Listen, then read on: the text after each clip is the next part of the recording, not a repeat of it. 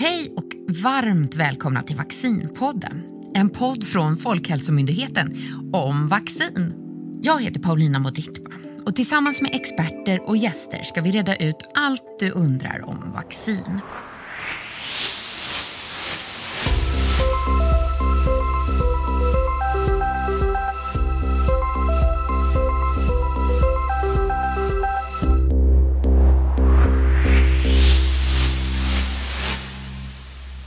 Och idag ska vi blicka bakåt i tiden lite grann och prata om vilken betydelse som vaccin har och har haft för hälsan i Sverige och i resten av världen. För covid-pandemin som vi lever i nu, det är ju absolut inte den första pandemin eller omfattande smittspridning som mänskligheten är med om och förmodligen inte heller den sista. Men i många fall kan vaccin skydda mot sjukdom och smittspridning. Och med mig idag har jag två experter på just detta. Anna-Mia Ekström som är klinisk professor i global infektionsepidemiologi vid Karolinska institutet och Sören Andersson som är professor, läkare och enhetschef på enheten för vaccinationsprogram på Folkhälsomyndigheten. Varmt välkomna Anna-Mia och Sören. Tack. Tack. Jag tänker att vi ska börja med att blicka tillbaka lite i era respektive karriärer. Ni har ju hängt med ett tag, jobbat med detta under många år. Vad har ni för bakgrund när det gäller just infektionssjukdomar? Eh, Anna-Mia, du kan väl börja? Ja, jag är infektionsöverläkare och har intresserat mig särskilt för HIV och sexuellt överförbar smitta som jag har jobbat med eh, under många år, både på sjukhus eh, och när det gäller forskning och nu senaste året eh, förstås eh, intresserat mig också för covid. Sören? Jag är också läkare och har jobbat mycket med infektionssjukdomar i eh, många år, ända sedan början av karriären. Jag fick möjlighet att eh, åka ut eh, i, till södra Afrika med eh, Världshälsoorganisationen och jobba med, med vaccinationsprogram och en del andra eh, diarré och luftvägskontrollprogram. Eh, och eh, sen dess har jag jobbat med frågor relaterade till det. Vad har, eh, om man ser ur ett historiskt perspektiv, vad har vacciner betytt för hälsan? Om vi börjar med det svenska perspektivet. Ja, vacciner är en av de mest effektiva förebyggande åtgärderna vi har för att förhindra ohälsa. Och Sverige var tidigt ute med att eh, införa någonting som liknar ett nationellt program. När smittkoppsvaccinet kom som var det första, första vaccinet i början av 1800-talet. Och, och, sen så har vi då successivt eh, byggt på med eh, nya vacciner och, och har idag 11 vacciner i vårt nationella vaccinationsprogram. vilket är mycket framgångsrikt och Eh, vi, vi når en eh, majoritet av barnen, 97-98 procent, som är fullvaccinerade och förhindrar därmed eh, väldigt mycket sjukdom och, och ohälsa. Vi, vi har bara ett fåtal utav de sjukdomarna kvar nu i, i det här landet. Och Anna-Mia, det globala perspektivet, hur ser det ut? Vad har vaccinet betytt? Nej, men det är ju ett otroligt viktigt verktyg i att bekämpa eh, smittsamma sjukdomar i världen. Eh, idag finns det vaccin mot eh, minst ett tjugotal eh, infektionssjukdomar och däribland eh, just mot barnsjukdomar som mässling, påssjuka, röda hund, vattkoppor, difteri, stelkramp, kivkosta eh, och även influensa förstås. Och det här räddar minst tre miljoner eh, liv varje år, så det är otroligt viktigt eh, att vi fortsätter att vaccinera mot alla de här smittsamma sjukdomarna som vi har effektiva vaccin emot. Det, när du säger att det finns vaccin mot uh, ungefär 20 humana sjukdomar så är det ju väldigt lite. Ja. Eh, och det speglar ju att man eh, egentligen inte haft så mycket fokus som jag tycker att man skulle ha haft på när det gäller vaccinforskning eftersom det är sådana effektiva verktyg för att hindra sjukdom och, och dödlighet. En fråga är ju, som är intressant i det här sammanhanget är att eh, har vaccin någonsin helt utrotat en sjukdom? Ja, som, eh, som Sören nämnde här så, eh, så smittkoppor är ju eh, det eh, exempel vi har som en av de riktigt stora folkhälsoframgångarna i världen. eh, där man faktiskt har utrotat en sjukdom. Och då tog ju det nästan 200 år. Alltså man började vaccinera i början av 1800-talet, det blev obligatoriskt att vaccinera barn mot smittkoppor eh, ganska tidigt i Sverige. Men så dröjde det ända fram till 1980 innan Världshälsoorganisationen faktiskt förklarade smittkoppor som utrotade. Och det är ju en fantastisk framgång som vi undervisar om till exempel i globalhälsokursen på Karolinska institutet. Eh, och en annan exempel där vi är nära, eller i alla fall var nära innan pandemins utbrott, är ju polio. Där man faktiskt har lyckats utrota polio i, i nästan alla länder i världen, eh, utom tre, vad vi känner till just nu. Och det är Pakistan, Afghanistan och Nigeria. Men där är det nära. Och är det ett, ett mål att faktiskt utrota sjukdomen? Kommer vi med hjälp av vaccin att utrota covid-19? Jag tror att det blir väldigt svårt att tänka sig att man ska kunna utrota covid-19. Eh, då får vi tänka oss ett väldigt långt perspektiv. Men den karaktären den infektionen har, det sättet den sprids på Eh, och eh, de utmaningar som det erbjuder gör att jag tror att det är svårt att tänka sig det. Och jag tror inte att eh, det behöver vara det primära målet utan det viktiga är att, få, att man har, ett, har bra verktyg för att ha kontroll på pandemin och för att förebygga svår sjukdom och, och, och död. Och det tycker jag gäller gäller andra vacciner också. Kan man få kontroll på sjuklighet och eh, även dödlighet så har man nått väldigt långt. Ja, nej men jag håller verkligen med dig. Det visar ju historien att hittills har vi bara lyckats utrota en enda smittsam sjukdom under flera hundra år. Men vi har ju lyckats få otroligt många andra smittsamma sjukdomar under kontroll och räddat eh, många, många, många miljoner människors liv. Så det, det måste ju ändå vara det primära här att vi försöker minska sjuklighet och dödlighet så långt det går. Och sen går inte det eh, att göra i alla fall och eh, helt och hållet. Men man kan göra väldigt mycket på vägen. Det första vaccinet brukar man ju säga uppfanns i slutet av 1700-talet. 1796 av läkaren Edward Jenner eh, när han ympade en frisk åttaårig pojke med smittkoppor. Och det är ju ett tag sedan, det har gått några hundra år nu. Hur har egentligen utvecklingen av vaccin sett ut sedan dess? Ja, det han gjorde var att han ympade med kokoppor som är mildare än, än smittkopporna då, men eh, liknar smittkopporna och eh, ger eh, då ett skydd mot, eh, mot smittkoppsinfektionen också. Eh, och det där vann mark väldigt snabbt, eh, så, så väldigt tidigt. Vi har pratat om det här också, tidigt på 1800-talet så var det många länder som införde smittkoppsvaccination som eh, någon slags nationella eh, program därför att man var väldigt bekymrad över den här sjukdomen. Den gav, eh, orsakade väldigt mycket sjuklighet och dödlighet. Men i början så visste man egentligen inte vad det var man skyddade mot. Eh, Jenner visste ju inte vad smittkoppor var egentligen. Och, och eh, när Pasteur utvecklade sitt rabiesvaccin så visste han inte vad, virus var inte kända då. Vad trodde man att man gjorde då? Vad var liksom... ja, det, man, man, man visste att eh, det här, den här vävnaden, det här extraktet som man gjorde var förknippat med sjukdomen på något sätt. Eh, men, men inte hur. Och det var egentligen utifrån deras perspektiv inte intressant heller. Men, eh, eller intressant var det kanske, men, men eh, för att lösa, så att säga, hjälpa till att lösa problemet så behövde man inte den kunskapen. Men sen så småningom så lärde man sig odla bakterier och då kunde man utveckla vacciner mot, mot bakterier på lite olika sätt. BCG är ju ett sånt mot tuberkulos.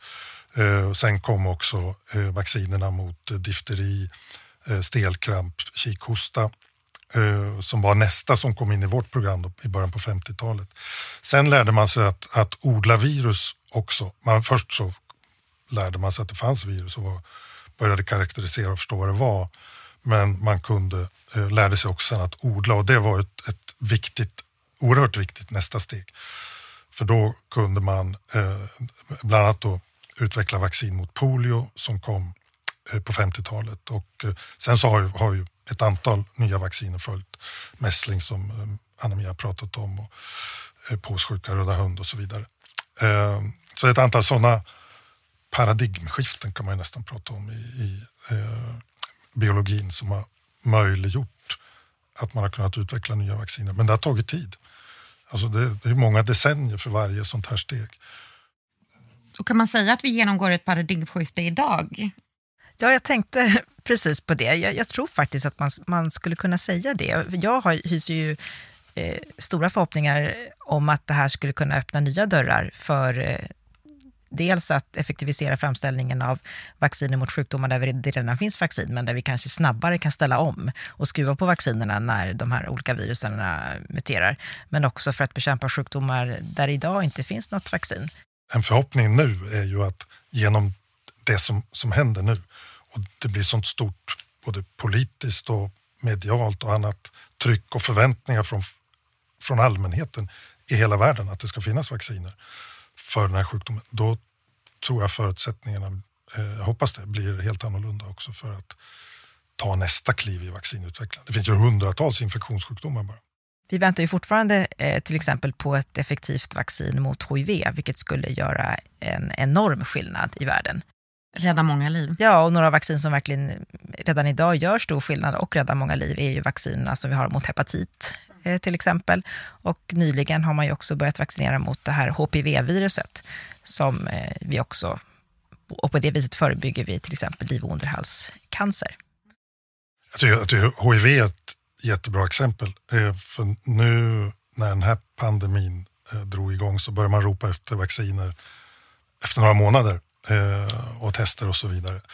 HIV-epidemin har rasat i 40 år drygt och vi har inget vaccin ännu. Man, man, ibland får man påminna sig om att det kan finnas väldigt stora utmaningar med det här. Och Det där för oss över till min nästa fråga. faktiskt. Är det främst en resursfråga eller är hiv också ett mer, en mer komplicerad smitta och ett mer komplicerat virus? Det är helt olika biologi vad gäller de infektionerna så att de, det, det, det, det är olika utmaningar. Alltså, det är absolut en resursfråga, det, det tycker jag. Eh, och, och, å ena sidan. Å andra sidan så var tiden mogen också. Det har pågått forskning ganska länge kring den här nya typen av vacciner. Den kunde ha gått fortare om man hade haft mer resurser också. Och när det gäller eh, alltså produktionskapacitet, logistik, att nå ut globalt och så vidare, då är det en resursfråga. Då handlar det om alltså, politisk vilja också. Nu, nu kanske jag blir politisk här, men det är egentligen ingen brist på pengar i världen. Det är en brist på vad man använder dem till.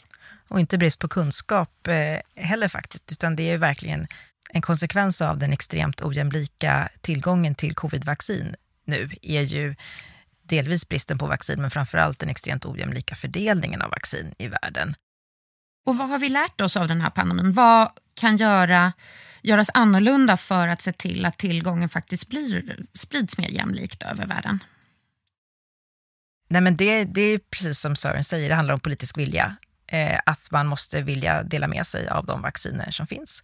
Eh, och gärna via de globala plattformar som är, som är förberedda att ta hand om det här, som till exempel WHOs eh, plattform COVAX, men, men vi måste också se till att vi ökar upp produktionskapaciteten i världen och gör fler regioner eh, mer självförsörjande när det gäller många olika sorters vaccin, även de här mot, mot vanliga barnsjukdomar. Och just nu till exempel i Afrika, där det finns ett enormt behov av alla sorters vaccin, så sker en otroligt liten del av produktionen på den kontinenten. Och det är förstås någonting som vi måste ändra på vi har ju sett nu att det inte riktigt fungerar med det system vi har idag. Länder samarbetar inte alltid så bra. Eh, man blir väldigt egoistisk när man är rädd. Och eh, vi har inte politiska system att eh, lösa det här på ett riktigt välfungerande sätt. Så där måste vi liksom få till ett, ett bättre fungerande globalt samarbetssystem, men också en högre vaccinproduktion eh, på fler ställen för att sprida riskerna inför framtiden.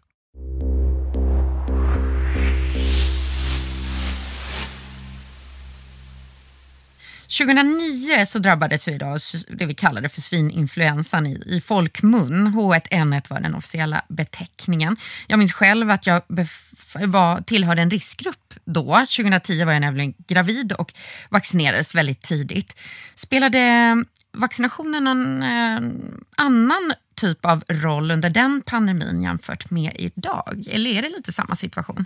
Ja, man ska komma ihåg att det är helt olika virus eh, som ger olika typer av sjuklighet. Eh, och eh, eh när det gäller svininfluensan om vi kallar den så, eh, så är det en variant utav influensor som vi har exponerats för i mänskligheten under eh, många år och det finns en, en, en, en, ett, en bakgrundsimmunitet eh, som kan vara mer eller mindre bra Eh, men som ändå hjälper till lite grann att begränsa den typen av, av utbrott. Covid-19 eh, är ett för oss helt nytt virus och vi har ingen bakgrundsimmunitet och då får sjukdomen mycket större genomslag. Så att man kan ju säga att ett vaccin och det, de vaccinet som togs fram då mot, mot svininfluensan hjälpte till men hade kanske inte den eh, avgörande rollen som vi nu ser eller åtminstone eh, hoppas att vi ser med eh, hjälp av eh, vacciner mot covid-19. Många av oss kopplar nog ihop svininfluensan och vaccinet eh, med en ökad risk för narkolepsi hos barn och unga. Det rapporterades bland annat i media om det. Hur ser man på det här och hur tänker ni kring det i efterhand? De vacciner som användes eh, mot svininfluensa under den pandemin eh, är helt annorlunda än de vacciner vi har idag. Både i hur man har tagit fram och producerat dem och, eh, och även i, vad, i vad, vad de innehåller. Då. Mm. det här visar också på vikten av att eh, göra väldigt noggranna uppföljningar och ha bra statistik kring biverkningar. Dels att folk rapporterar in sina biverkningar och att det finns system för det i alla länder. Men också att just när det gäller barn och ungdomar, att man ska eh, verkligen veta att man gör nytta för, den, för individen, så att säga, och att eh, nyttan ska alltid överväga risken. Eh, på individnivå, men såklart också vara bra på en befolkningsnivå. Vi har ju pratat om politiska medel och hur otroligt viktigt det är med politisk vilja för att få saker att hända väldigt snabbt. Um, har vi blivit bättre på att dela kunskap och insikt över landsgränserna? Ja, men det tror jag absolut. Om det är så att eh, politiker har haft svårt att samarbeta över nationsgränser så tycker jag ändå att forskare faktiskt har eh, haft ganska lätt att samarbeta över nationsgränser och att det finns ju en enorm vilja i, i alla länder, tror jag, att följa upp de här vaccinen otroligt noggrant. Både när det gäller effekten, skyddet mot covid-19, men också eh, eventuella biverkningar. Och digitaliseringen i världen, som ju faktiskt har nått ut i, i de allra flesta hörn, eh, hjälper oss ju verkligen på vägen här. Det går att dela data mycket snabbare, det går mycket enklare och vi kommer snabbt att få en överblick. En annan sida av det myntet av information och data är att vi lever i ett samhälle där man hela tiden blir överöst av nyheter, åsikter och information. Både från varandra i sociala medier men också från media och så vidare. Och hur vaccineringen i Sverige går kan man nu följa i realtid. Hur tror ni att det påverkar oss?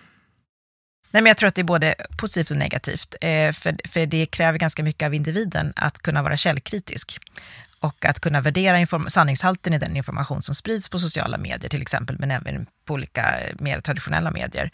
Eh, och det är ju jättesvårt faktiskt. Det, det viktiga är ju att eh, man ser till att människor har en pålitlig informationskälla som också ger liksom, evidensbaserad eh, faktakunskap. Eh, och att, att man litar på den information som kommer ut och att man vet var man ska vända sig för att få bra information. Eh, det tror jag är en, huv, en, en, en, huvudfråga här och oerhört viktigt, inte bara i Sverige utan också globalt, att nå ut just till sådana grupper som kanske är skeptiska mot vaccin eller som inte har tillräcklig kunskap och att man funderar på hur man ska kunna kommunicera och få till en dialog också, så man kan ställa frågor om man är orolig och eh, att man får information från en källa som man verkligen litar på. Där har vi en enorm utmaning globalt eh, när det gäller vaccination mot covid-19, men också när det gäller alla andra vacciner förstås. Och den podden vi sitter i nu är ju en del av det, den informationssatsningen. Hur ser det ut globalt? Ehm, hur arbetar man med att, eh, att öka vaccinationsviljan och, eh, och kunskap kopplade till vaccin runt om i världen? Det som är unikt med eh, massvaccinationen mot covid-19 är ju att allting har gått så otroligt snabbt. Och eh, tidigare har man ju haft många, många år på sig för att verkligen förbereda människor så att man ska känna sig trygg med och vilja ta vaccin, till exempel mot polio eller att vaccinera sina barn mot mässling. Eh, eller till exempel utrotnings, utrotningen av smittkoppor. Eh, gick, där gick det ju parallellt med en otroligt liksom, noggrann informationskampanj på bynivå eh, där man visade teckningar och folk gick ut och man satt i ring och pratade och eh, ja, förberedde det här väldigt noggrant. Det har vi inte riktigt haft tid att göra ännu i många länder. Och där, men det är viktigt. Man kan inte hoppa över de stegen riktigt. Man kanske kan göra det mer effektivt nu när många har tillgång till eh, mobiltelefoner och, och internet. Eh, men det är ändå ett steg som man inte kan hoppa över om man vill nå ut eh, i periferin och nå så många människor som möjligt. Så ett arbete som kommer behöva fortsätta Absolut. framåt. Varför är det då så viktigt att vaccinera sig mot covid-19? Ja, det här är ju en sjukdom som är väldigt spridningsbenägen. Vi har vidtagit eh, väldigt mycket eh, rätt så skarpa åtgärder i, runt om i världen för att försöka eh, förhindra smittspridning. Det räcker inte riktigt till ändå. Eh, vi har eh, en väldigt låg eller obefintlig immunitet i befolkningen eh, som gör att vi kan ha väldigt stor nytta utav att kunna vaccinera så att man skapar en, ett, ett grundskydd eh, även mot eh, kommande eh, spridning utav eh, det här viruset. Ja, Nej, men man har ju sett att de restriktioner som har vidtagits hittills för att minska smittspridningen också har eh, väldigt mycket negativa effekter. Man kan liksom inte stänga ner en hel värld eh, hur länge som helst utan att, få att det får ett enormt mycket negativa konsekvenser på, på hälsan, socialt, eh, utbildning, ekonomi och så vidare som också påverkar människors liv i stor utsträckning.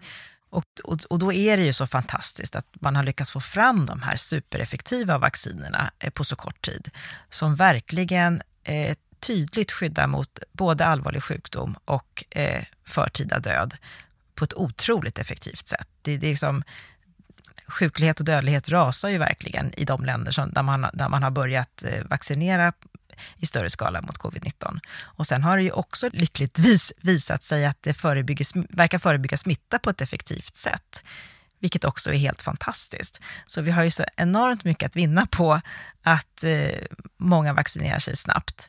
Tack så jättemycket Anna-Mia och Sören för att ni var med idag och svarade på alla frågor som jag hade. Tack för att vi fick vara med. Mm, tack. Och vi hörs igen nästa vecka. Hej då!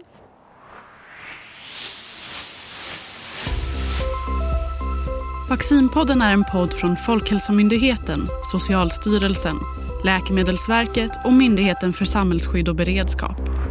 Det här var en produktion av Soundtelling